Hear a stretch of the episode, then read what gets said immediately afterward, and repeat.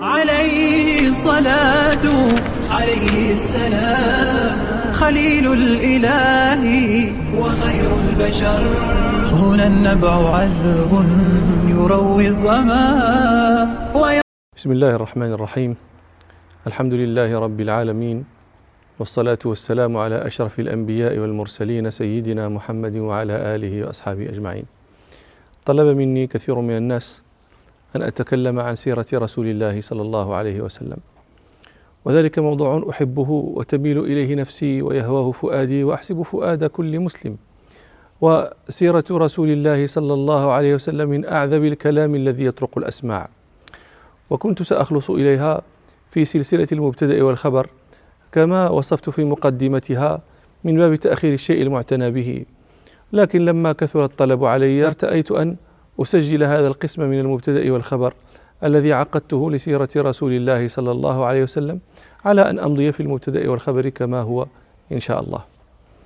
والحديث عن سيرة رسول الله صلى الله عليه وسلم باستجلاء محاسنه وذكر المعاني الموجبة لمحبته صلى الله عليه وسلم من أعظم القرب وأجل الطاعات لأن ذلك ينشئ محبته صلى الله عليه وسلم ومحبته صلى الله عليه وسلم من عقد من عقود الإيمان. لا يتم إلا بها. روى البخاري ومسلم في صحيحيهما. عن أنس بن مالك رضي الله عنه أن رسول الله صلى الله عليه وسلم قال لا يؤمن أحدكم حتى أكون أحب إليه من والده وولده والناس أجمعين. وروى البخاري في صحيحه عن أبي هريرة رضي الله عنه أن رسول الله صلى الله عليه وسلم قال والذي نفسي بيده لا يؤمن أحدكم حتى أكون أحب إليه من والده وولده. وروى البخاري ومسلم في صحيحيهما عن أنس بن مالك رضي الله عنه أن رسول الله صلى الله عليه وسلم قال: ثلاث من كن فيه وجد حلاوة الإيمان أن يكون الله ورسوله أحب إليه مما سواهما وأن يحب المرء لا يحبه إلا لله وأن يكره أن يعود في الكفر كما يكره أن يقذف في النار. بل قال ربنا سبحانه: قل إن كان آباؤكم وأبناؤكم وإخوانكم وأزواجكم وعشيرتكم وأموال وأموال اقترفتموها وتجارة تخشون كسادها ومساكن ترضونها أحب إليكم من الله ورسوله وجهاد وجهاد في سبيله فتربصوا حتى يأتي الله بأمره والله لا يهدي القوم الفاسقين. فكفى بهذا حظا وتنبيها ودلالة وحجة على لزوم محبته صلى الله عليه وسلم وتأكد وجوبها. إذ قرع ربنا سبحانه قوما كانت أموالهم وأولادهم وأهلوهم أحب إليهم من الله ورسوله. بل توعدهم ربنا سبحانه بقوله فتربصوا حتى يأتي الله بأمره. ثم فاستقهم ربنا سبحانه بتمام الآية وأعلمهم أنهم ممن لم يهده الله فقال والله لا يهدي القوم الفاسقين. فإذا كان الشأن ما سمعتم لم يكن بد من التعرف على سيرته صلى الله عليه وسلم ليعلم قدر إحسانه صلى الله عليه وسلم إلى أمته وقدر رأفته بهم ورحمته لهم وشفقته عليهم وهدايته إياهم واستنقاذهم به من النار. ومن عرف ذلك ونحوه أحب رسول الله صلى الله عليه وسلم شرعا بل أحبه جبلة وطبعا. إذا كان الإنسان يحب من منحه منحة أو أولاه معروفا مرة أو مرتين في عمره فكيف تكون محبته لمن كان سببا في منحه ما لا يبيد من النعيم وكان سببا في وقايته ما لا يفنى من عذاب الجحيم. نسأل الله العافية. أي إحسان أجل خطرا وأعظم قدرا من إحسانه صلى الله عليه وسلم إلى أمته؟ أي إفضال أعم فائدة وأكثر نفعا من إفضاله صلى الله عليه وسلم على أمته؟ إذ كان رسول الله صلى الله عليه وسلم ذريعة المؤمنين إلى الهداية وداعيهم إلى الفلاح والكرامة ووسيلتهم إلى ربهم والمتكلم عنهم وشفيعهم والشاهد لهم. صلى الله عليه وسلم بلغ وأدى ونصح وهدى حتى أنقذ الله به من الهلكة وأنار به من العمى وهدى به من الجهالة والضلالة. صلى الله عليه وسلم وجزاه خير ما جزى نبيا عن أمته. وفضل ربنا سبحانه عظيم ببعثة هذا النبي صلى الله عليه وسلم يعلم ذلك من كان يعلم أحوال العرب في جاهليتها. كانوا في ظلمات بعضها فوق بعض. كانوا هالكا ابن هالك موغلين في الهلاك. روى مسلم في صحيحه عن عياض بن حمار المجاشعي رضي الله عنه أن رسول الله صلى الله عليه وسلم قال ذات يوم في خطبة من جملة كلام وإن الله نظر إلى أهل الأرض فمقتهم عربهم وعجمهم إلا بقايا من أهل الكتاب. مقتهم كانوا كانوا في المقت والمقت أشد البغض. لماذا كانوا؟ كان الناس عربهم وعجمهم إلا بقايا من أهل الكتاب ممن كانوا لم يبدلوا ولم يحرفوا. لماذا كان هؤلاء في أشد في أشد البغض عند الله؟ لماذا كان هؤلاء في المقت؟ لأجل ما كانوا عليه مما يصف بعضه جعفر بن أبي طالب رضي الله عنه في حديثه للنجاشي. الحديث الذي رواه أحمد وغيره.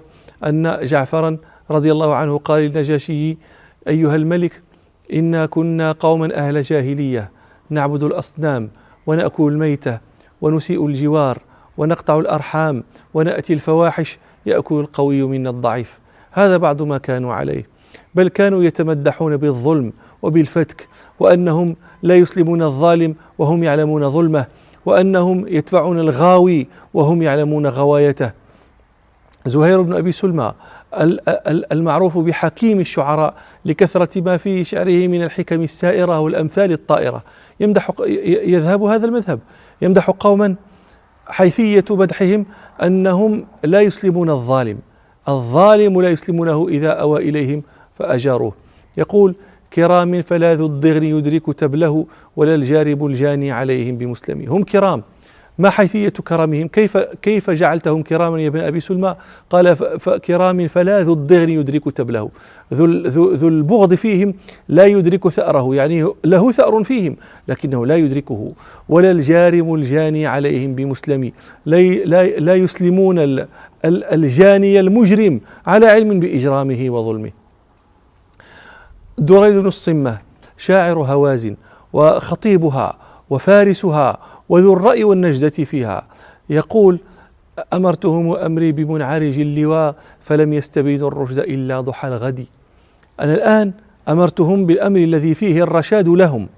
هم خالفوني ولم يوافقوني ولم يعرفوا صحة ما قلت لهم إلا في ضحى الغد. أمرتهم أمري بمنعرج اللواء فلم يستبينوا الرشد إلا ضحى الغد. فلما عصوني كنت منهم وقد أرى غوايتهم وأنني غير مهتدي. وهل أنا إلا من غزية؟ إن غوت غويت وإن ترشد غزية أرشدي. يعلم ضلالهم وأنهم يخالفون الرشد الذي يدعوهم إليه ومع ذلك يتبعهم على ضلالتهم ويترك الرشاد الذي هو يعلم أنه رشاد. فلما عصوني كنت منهم وقد أرى غوايتهم. هذا بعد بعد ما كانوا عليه في الجاهلية. يعبدون ما يصنعون. ما عملته أيديهم يعبدونه. ثم يقعدون أمامه يسألونه. أنتم أوجدتموه. وتسألونه الإيجاد. إيجاد الولد وإيجاد الرزق وإيجاد البركة. أنتم أوجدتموه من العدم. كيف يوجد شيئا؟ هو فاقد الشيء لا يعطيه. سبحان الله هذه العقول. والعرب لم يكونوا قوما أغبياء ولا قوما بلهاء ولا قوما بلداء. ولكنها يعني كما قيل عقول كاد يعني فيما ذكره عمرو بن العاص صح عنه عقول كادها باريها كانوا يسألونه النصر وهم يدفعون عنه. أرب يبول الثعلبان برأسه لقد ذل من بالت عليه الثعالب. هو يدفع عنه بول الثعالب ثم يسأله النصر على الأعداء. بل ربما أكلوه.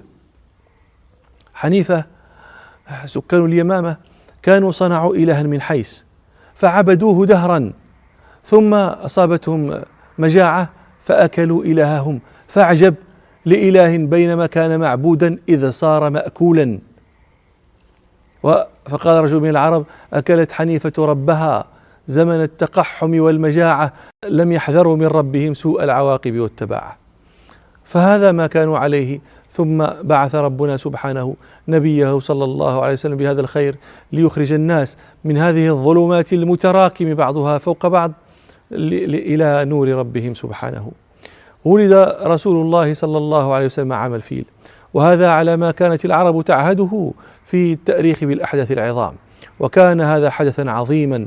ذلك أن أبرهة الأشرم الحبشي ملك اليمن كان بنى في صنعاء بنى القليس. القليس كنيسة عظيمة لم يرى مثلها في زمانها. ثم كتب إلى ملك الحبشة يقول له أيها الملك قد بنيت لك كنيسة لم يبن مثلها لملك كان قبلك ولست بمنته حتى أصرف حج العرب إليها. فتحدثت العرب بكتاب أبرهة إلى النجاشي وأنه يصرف يروم صرفهم إلى إلى صنعاء إلى القليس ليحجوا فيها. فغضبوا حينئذ فخرج رجل من بني فقيم بن عدي أحد النسأة الذين كانوا ينسؤون الشهور. خرج حتى أتى القليس فأحدث فيها ثم ثم فر. فبلغ ذلك أبرهة فسأل عمن صنع فقالوا له آه، صنع ذلك رجل من العرب من أهل هذا البيت الذي آه، تحج إليه العرب. لما بلغهم قولك آه، لست بمنته حتى أصرف إليه حج العرب.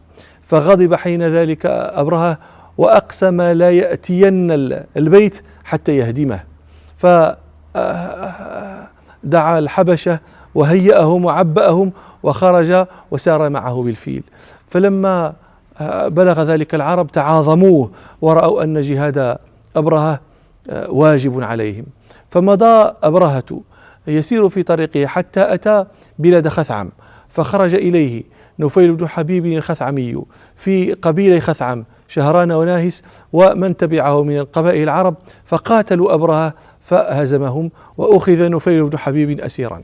فأتي به أبرهة فأمر بقتله فقال له أيها الملك لا تقتلني واستبقني وأنا دليلك في أرض العرب وهاتان يداي لك على خثعم بالسمع والطاعة. فاستبقاه فخرج يدله آه، في أرض العرب حتى أتى الطائف. فلما أتى الطائف خرج إليه آه، معتب بن مسعود الثقفي في رجال من ثقيف. فقال له أيها الملك إنما نحن عبيدك سامعون لك ومطيعون. ليس عندنا لك خلاف ولست تريد هذا البيت الذي عندنا يقصدون اللات قد كان بيتا عندهم يعظمونه نحو تعظيم الكعبة. إنما تريد هذا البيت الذي في مكة. ونحن نبعث معك آه، رجلا يدلك على الطريق. فتجاوز عنهم وبعثوا معه أبا رغال. أبا رغال الثقفي. فخرج يدله على طريق مكة يسير به في دروبها إلى أن أنزله في المغمس. المغمس يقال له الآن الوادي الأخضر هو قريب من من عرفة. فلما أنزله المغمس مات. فدفن هناك فراجمت العرب قبره آه، استقباحا لهذا الصنيع الفظيع الذي صنعه. واستمر رجم قبر أبي رغال دهرا. مسكين الدارمي الشاعر المشهور متوفى سنة 89 يقول وأرجم قبره في كل عام كرجم الناس قبر أبي رغالي. بل جرير المتوفى سنة عشرين ومئة يقول إذا مات الفرزدق فارجموه كرجم الناس قبر أبي رغالي. لما نزل أبرهة المغمس بعث رجال من الحبشة إلى مكة فأصابوا مالا لقريش من ذلك المال مئة بعير لعبد المطلب وكان عبد المطلب يومئذ سيد قريش وكبيرها. فرامت قريش وهذيل ومن كان معهم في الحرم بقتال أبرهة لكن علموا أنه لا طاقة لهم به فتركوا ذلك. ثم أتى عبد المطلب عسكر أبرهة ثم فاستأذن على أبرهة فأذن له. وكان عبد المطلب من أجمل الناس وأوسامهم وأعظمهم فلما دخل على أبرهة أعجبه فأجله أن يجلسه تحته. وكره أن يجلسه معه على سريره فتراه الحبشة فجلس هو على بساطه وأجلسه بجانبه وقال لترجمانه قل له ما حاجتك. فقال له حاجتي أن يرد علي الملك مئتي بعير أصابها رجاله. فلما أخبره الترجمان قال أبرهة لترجمانه قل له قد كنت أعجبتني حين دخلت علي ثم زهدت فيك حين, حين كلبتني. أتكلمني في مئتي بعير أصبتها لك وتترك بيتا هو دينك ودين آبائك جئت لأهدمه فلا, تك فلا تكلمني فيه. فقال عبد المطلب كلمته المشهورة أنا رب الإبل وإن للبيت ربا سيمنعه. فقال له أبرهة لم يكن ليمتنع مني. فقال عبد المطلب أنت وذاك. فأمر أبرهة برد الإبل المئتين إلى عبد المطلب ورجع عبد المطلب إلى مكة فأخبرهم بالذي دار بينه وبين بين أبرهة وأمرهم والتحرز برؤوس الجبال بشعفها وشعابها. ثم أتى باب الكعبة وأمسك بحلقته وقال أبيته المشهورة لا هم إن المرء يمنع رحله فمنع حلالك. الحلال القوم مجتمعون يقصد قريشا لأنهم أهل بيت الله. لا هم إن المرء يمنع رحله فمنع حلالك وانصر على آل الصليب وعابديه اليوم آلك. لا يغلبن صليبهم ومحالهم غدوا محالك. إن كنت تاركهم وقبلتنا فأمر ما بدالك ثم صعده أيضا في الجبل ينظر ما يصنع أبرهة إذا دخل الكعبة. لما أصبح أبرهة عبأ جيشه وهيأهم ومضى بالفيل. فلما قام الفيل جاء نفيل بن حبيب الخثعمي حتى وقف إلى جانب الفيل وأخذ بأذنه وقال له أبرك محمود وهو اسم الفيل. وهذه كانت عادة عند العرب كانوا يسمون يعني بهائمهم وأشياءهم وأمتعتهم. فقال أبرك محمود أو ارجع راشدا من حيث أتيت فإنك في بيت الله الحرام. فبرك الفيل وأصعد نفيل في في في الجبال أيضا. فجاء الحبشة يضربون الفيل ليقوم لا يقوم. فجعلوا يضربونه ضربا عظيما وهو لا يقوم. فوجهوه عائدا جهة اليمن قام يهرول جهة الشام يهرول جهة الشرق كذلك يوجهونه جهة الكعبة فيبرك. ثم أرسل ربنا سبحانه طيرا تحمل حجارة. تقذفها لا تصيب أحدهم إلا هلك. فخرج الحبشة يبتدرون الطريق التي أتوا منها يريدون الفرار ويسالون عن نفيل ليدلهم على الطريق التي جاء بهم منها وهو ينظر إليهم من فوق, من فوق الجبال ويرى النقمة النازلة عليهم من الله ويقول أين المفر والإله الطالب؟ والأشرم المغلوب ليس الغالب.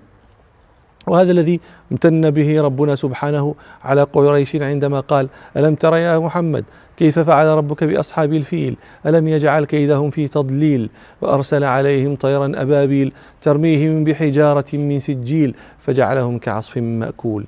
وفي ذلك يقول نفيل بن حبيب أيضا ألا حييت عنا يا ردينا؟ نعمناكم مع الإصباح عينا.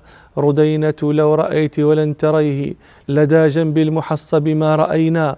إذا لعذرتني وحمدت أمري ولم تأسي على ما فات عينا. فلو أبصرتنا والجيش يرمى بحسبان رثيت لنا ردينا. وكل القوم يسأل عن نفيل كأن علي للحبشان دينا. وما كانت دلالتهم بزين ولكن كان ذاك علي شينا. فهذا العام الذي ولد فيه رسول الله صلى الله عليه وسلم وولد يوم الاثنين. لما رواه مسلم في الصحيح أن رسول الله صلى الله عليه وسلم سئل عن صيام يوم الاثنين فقال صلى الله عليه وسلم ذلك يوم ولدت فيه. وأكثر العلماء على أنه ولد في شهر ربيع الأول وإلى لقاء آخر إن شاء الله والحمد لله رب العالمين.